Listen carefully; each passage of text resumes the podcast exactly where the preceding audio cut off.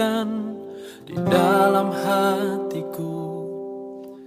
Tercengang ku dibuatmu Ku kagum padamu. Tak ada hal di hidupku Yang luput darimu. Kau indah, kau mulia Tiada sepertimu Ku ingin hidupku menyenangkanmu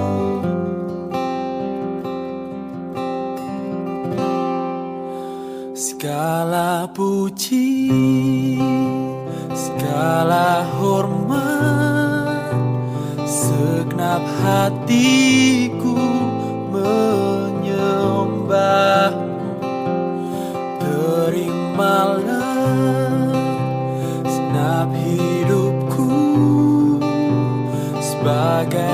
persembahan yang hidup.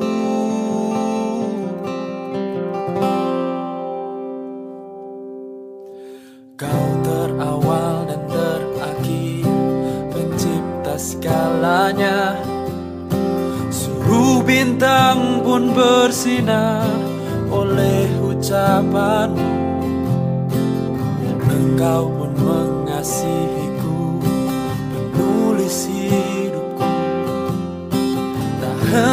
segenap nafasku Menyembahmu selalu.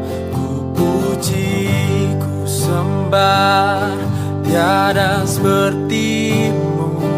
Ku ingin hidupku menyenangkanmu. Oh, segala puji,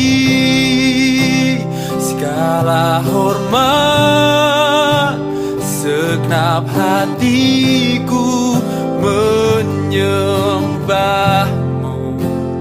Terimalah senap hidupku sebagai persembahan yang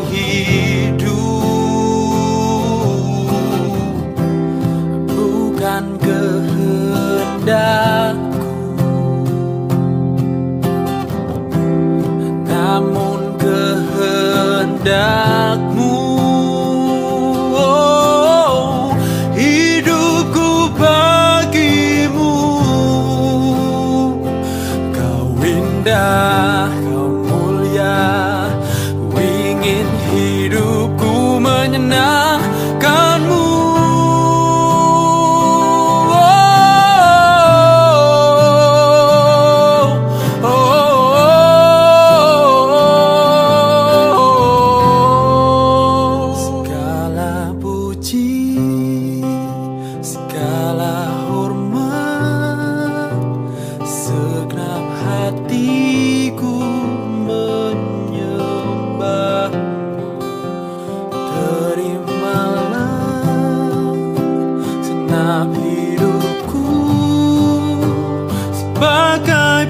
persembahan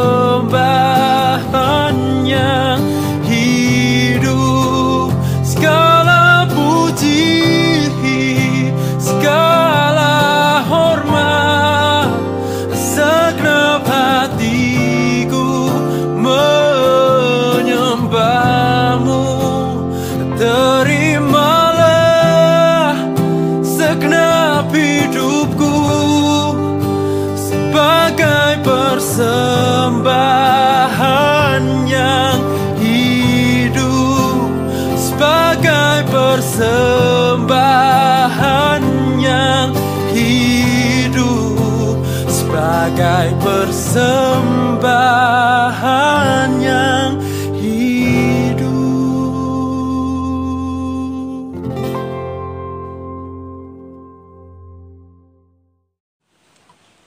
Halo teman-teman pemuda Philadelphia di mana pun teman-teman berada dan kami berharap selalu kita dalam keadaan baik, keadaan sehat dengan mengikuti protokol kesehatan dan juga tetap menjaga kesehatan yang baik.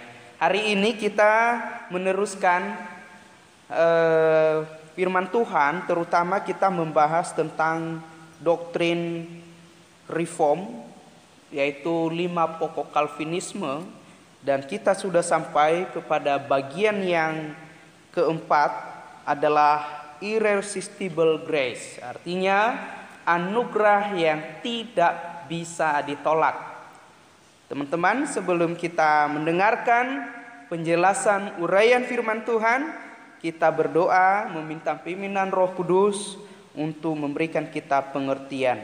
Mari kita berdoa.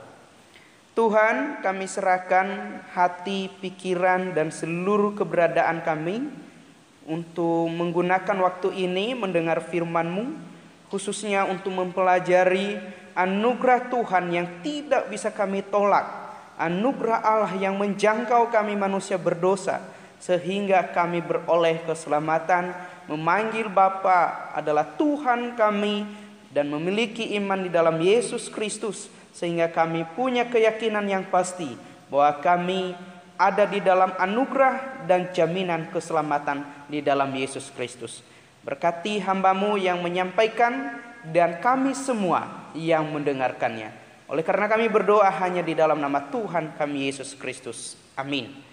Teman-teman, irresistible grace artinya anugerah yang tidak bisa ditolak.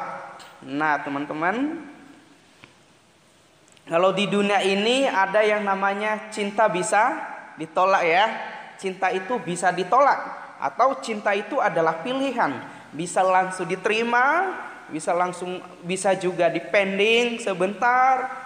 Adapun yang ditolak walaupun sudah diungkapkan berkali-kali dengan berbagai cara dengan segala usaha. Itulah cinta yang ada di dunia.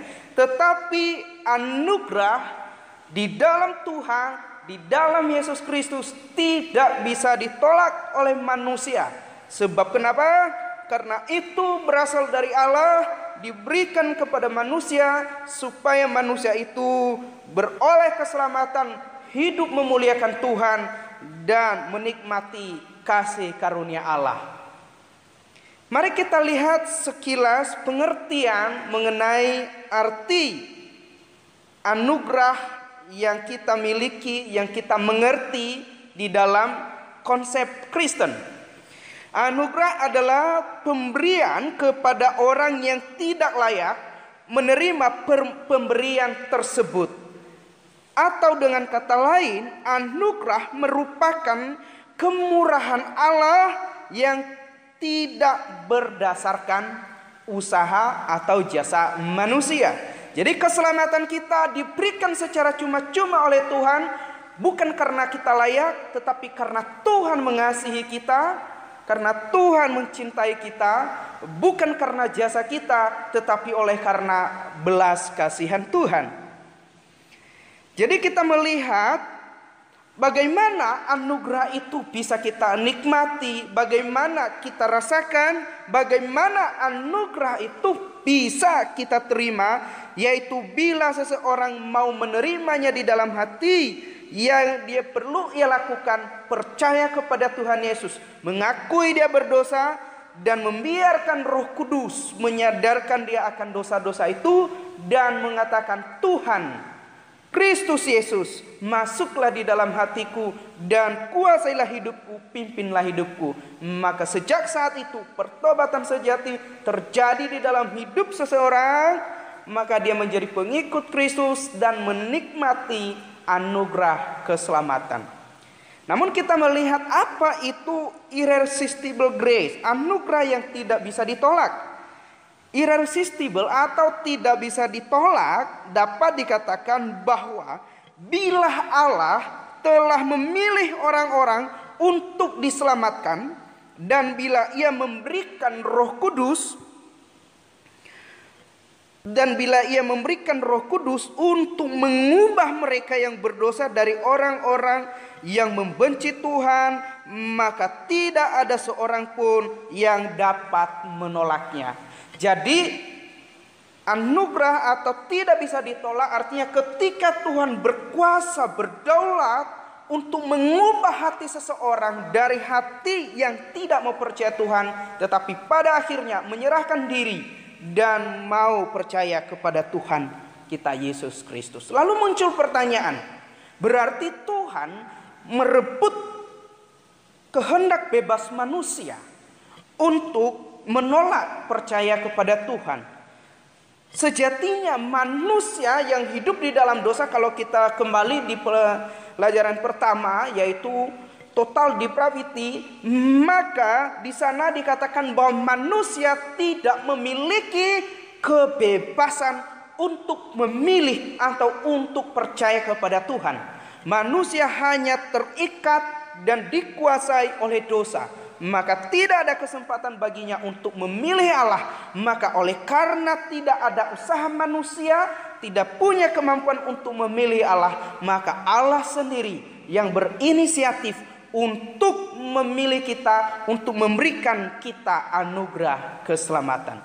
Jadi jelas bahwa anugerah yang kita terima dari Allah itu adalah membuat seseorang rela dan memberikan dirinya untuk dipimpin oleh Tuhan, percaya kepada Tuhan Yesus. Nanti ada contoh-contoh konkret yang kita bisa lihat.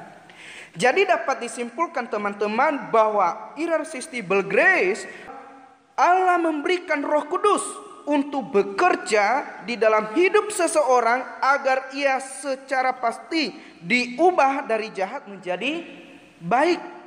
Roh Kudus pasti membuat setiap orang yang telah dipilih sejak semula untuk mencintai firman Allah. Orang Kristen menjadi orang Kristen yang memiliki keyakinan yang teguh di dalam Tuhan. Itulah irresistible grace. Artinya bahwa tadinya kita tidak punya keinginan memilih untuk percaya kepada Tuhan.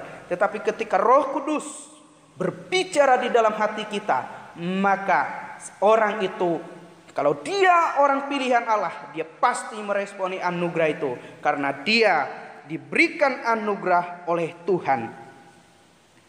Contoh yang bisa kita lihat secara konkret seperti Rasul Paulus, teman-teman, masih ingat kisah-kisah Paulus? Dikatakan oleh Alkitab bahwa Paulus seorang yang tidak suka dengan Kristus, seorang yang menganiaya orang-orang yang mengikut Kristus dan bahkan dia menangkap mereka, dia memenjarakan mereka dan mungkin ada yang mati karena penganiayaan Paulus. Tetapi kalau kita melihat bagaimana cara Tuhan menangkap Paulus, di dalam satu perjalanan di mana dikatakan Paulus berkobar-kobar untuk menangkap dan membunuh orang-orang Kristen, tiba-tiba Tuhan dengan inisiatif sendiri menangkap Paulus dan pada akhirnya Paulus menjadi orang percaya, percaya kepada Tuhan Yesus. Bahkan tidak hanya itu, Paulus menjadi rasul yang setia memberitakan Kristus adalah Tuhan dan juru selamat. Siapa yang bisa memaksa Paulus untuk bisa percaya kepada Tuhan? Siapa yang menarik Paulus untuk bisa percaya kepada Yesus Kristus? Adalah Tuhan itu sendiri. Yang kedua kalau kita melihat contoh konkret di dalam sejarah gereja, ada bapak gereja bernama Augustinus. Augustinus dikatakan punya latar belakang yang buruk, hidup rusak, bobrok dan menikmati dosa. Tetapi dalam suatu waktu dia mendengar ada suara berkata, "Ambillah dan bacalah." Dan ketika dia melihat tulisan itu, dia membaca firman Tuhan yang mengajak dia, "Marilah kita hidup seperti di siang hari dengan sopan santun dan bukan dalam pesta pora." Dan sejak saat itu yang mana tadinya Augustinus orang yang tidak menghiraukan Tuhan, orang yang tidak percaya Tuhan, pada akhirnya Augustinus pun menjadi orang yang percaya kepada Tuhan. Bagaimana mungkin orang yang betul-betul rusak di dalam dosa bisa bertobat, bisa diampuni? Itu karena dia ditangkap oleh kasih karunia Allah, oleh anugerah yang tidak bisa ditolak. Teman-teman mungkin juga punya pengalaman tersendiri sebelum Anda mendengar firman, sebelum Anda membaca firman, sebelum Anda ke gereja. Mungkin Anda nggak pernah, mungkin teman-teman nggak pernah kepikiran jadi orang Kristen, nggak pernah kepikiran percaya Tuhan Yesus. Tetapi ketika suatu waktu Roh Kudus bekerja di dalam hati kita, pada saat firman Tuhan diberitakan, maka satu persatu menjadi percaya kepada Tuhan Yesus. Siapa yang melakukan itu? Tuhan sendiri. Untuk apa? Supaya kita boleh menikmati kasih karunia Allah di dalamnya. Oleh karena itu Yohanes memberikan contoh-contoh kepada kita seperti di dalam Yohanes pasal 6 ayat 37 mengatakan semua yang diberikan Bapa kepadaku akan datang kepadaku dan barang siapa datang kepadaku ia tidak akan binasa. Ini berbicara masalah orang-orang yang dipilih oleh Tuhan. Maka kalau engkau sudah dipilih oleh Tuhan, suatu hari nanti engkau akan percaya kepada Tuhan Yesus. Bersyukurlah bagi kita yang sudah percaya kepada Tuhan. Kita sudah merasakan bahwa Tuhan memilih kita di dalam kasih karunia. Tuhan menyelamatkan kita. Berikutnya kalau kita lihat di dalam Roma pasal 20 pasal 8 ayat 29 dan 30 dikatakan di sana umat yang dipilih oleh Allah, mereka telah dipilih sejak kekekalan. Dari sejak kekekalan kita sudah dipilih untuk diselamatkan. Siapa yang bisa menolak untuk dipilih? Tidak ada. Karena Tuhan sendiri yang berkuasa untuk memilih kita untuk percaya kepadanya. Bahkan kalau kita melihat juga seperti digambarkan bahwa orang yang jatuh di dalam dosa, di dalam kerusakan total itu seperti orang yang mati. Nah, Yohanes memberikan gambaran. Ada satu kali Lazarus mati dan beberapa hari baru Yesus datang di sana. Dan dikatakan Lazarus sudah tidak bernyawa dalam keadaan mati. Lalu Tuhan berkata, "Lazarus, bangkitlah." Maka dia bangun. Maka dia hidup dan siapa yang menghidupkan dia? Itu adalah Tuhan. Begitulah juga dengan kerohanian kita. Kita yang ada di dalam dosa, kita yang rusak karena dosa, rohani kita mati. Kita nggak pernah memikirkan Tuhan, pernah memikirkan penyembahan, pernah memikirkan ibadah pelayan enggak. Pikiran kita itu semua tentang dunia dan dunia. Tetapi ketika firman Tuhan dan dengan dorongan Roh Kudus, maka kita bisa percaya, maka mulai satu persatu, tahap demi tahap memikirkan tentang Tuhan, mau melayani Tuhan, mau menyembah Tuhan, bahkan memikirkan akan hidup yang kekal.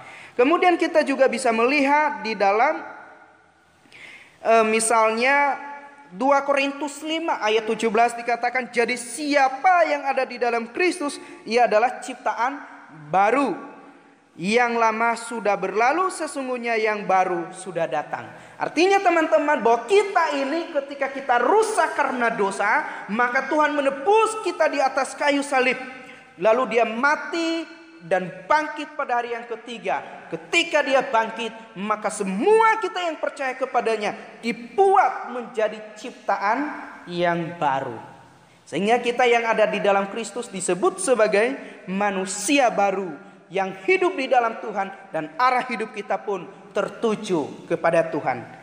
Dan contoh berikutnya dikatakan karena kita di dalam Efesus pasal 2 ayat 10 karena kita ini buatan Allah diciptakan dalam Kristus Yesus untuk melakukan pekerjaan baik yang dipersiapkan Allah sebelumnya. Ia mau supaya kita hidup di dalam kita ini buatan Allah. Artinya adakah manusia yang menolak saya tidak mau dibuat, saya tidak mau dibuat oleh Tuhan? Tidak ada. Ya kan Tuhan menciptakan kita secara otomatis. Begitulah anugerah yang tidak bisa ditolak. Sama seperti bayi janin yang ada di dalam kandungan tidak mungkin dia menolak tidak mau lahir. Sudah otomatis dia akan lahir pada waktunya. Begitulah juga kita. Ketika kita menjadi percaya kepada Tuhan pun kita menjadi orang yang dilahir barukan di dalam Kristus dan kita hidup di dalam Kristus, kita hidup bagi Kristus. Jadi apa manfaatnya kita mempelajari doktrin ini? Kita melihat bahwa doktrin ini begitu penting sekali. Kita melihat bahwa ajaran ini begitu berguna, begitu berkualitas untuk membangun iman kita supaya kita sadar siapakah kita di hadapan Tuhan, supaya kita mengerti betapa besar anugerah Tuhan yang tidak bisa kita jangkau, tetapi Tuhan memilih untuk menjangkau kita.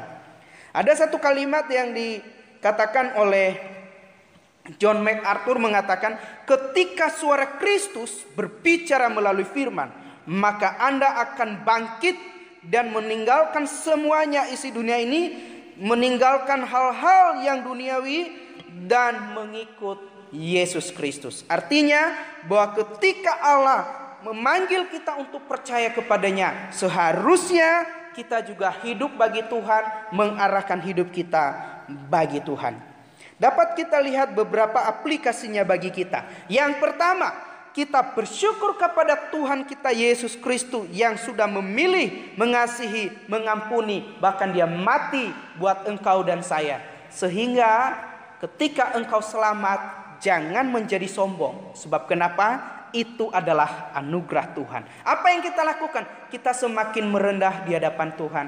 Terima kasih Tuhan, engkau begitu baik. Terima kasih Tuhan engkau mengasihi saya manusia berdosa. Engkau mengasihi saya manusia yang kotor. Tetapi betapa besar anugerahmu yang tidak bisa saya tolak. Engkau memilih saya. Yang kedua, kita belajar untuk setia kepada Tuhan.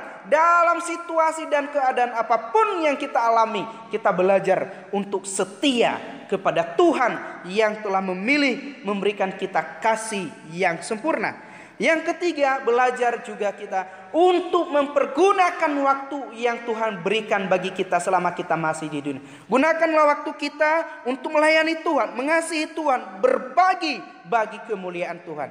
Dan yang bagian terakhir bahwa manfaat kita mempelajari ini mengajarkan kita, mendorong kita untuk terus memberitakan Injil. Engkau tidak tahu siapa di dalam rumah Anda, di rumah kita, teman kita, sahabat kita, orang-orang yang kita jumpai mereka adalah umat pilihan Allah, tetapi belum mereka mereka masih belum meresponi anugerah Tuhan.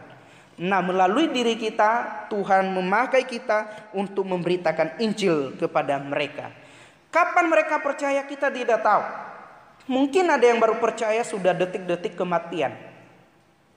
Tetapi mereka percaya kepada Yesus dan saya percaya mereka pun diselamatkan. Ada satu kalimat dari seorang teolog mengatakan pada akhirnya penginjilan bukanlah merupakan usaha yang sia-sia. Pasti ada hasilnya. Kita hanya perlu melakukan tugas kita dan mengabarkan Kristus kepada orang-orang yang belum mengenal Dia karena penebusan Kristus telah menghapus dosa-dosa orang pilihan Allah, maka mereka pasti memberikan tanggapan yang benar kepada kepada pekabaran Injil. Jadi teman-teman jangan pernah bosan memberitakan Injil, jangan pernah bosan untuk mendoakan teman kita, keluarga kita, orang-orang yang di sekitar kita supaya mereka percaya. Jangan. Kapan mereka percaya kita tidak tahu. Kita tidak tahu, tetapi anugerah Allah tersedia bagi mereka. Dan biarlah kita dipakai oleh Tuhan untuk menyatakan anugerah itu. Mungkin juga ada di antara teman-teman punya keluarga yang belum percaya, mungkin ada teman kerja, teman main, atau komunitas yang masih belum percaya. Teruslah beritakan Injil kepada mereka. Sebab pemberitaan Injil suatu hari akan nyata bagi hidup orang-orang yang sungguh-sungguh dipilih oleh Tuhan. Oleh karena itu, Irresistible grace mengajarkan kita bahwa anugerah dan kuasa Tuhan sanggup menjangkau kita, siapa pun kita dan dalam bentuk dalam dosa apa pun kita, Tuhan sanggup untuk memilih menyelamatkan kita. Kita yang sudah di dalam Kristus, hiduplah jadi anak Tuhan yang baik dan bekerjalah bagi kemuliaan Tuhan. Tuhan Yesus memberkati kita semua. Amin.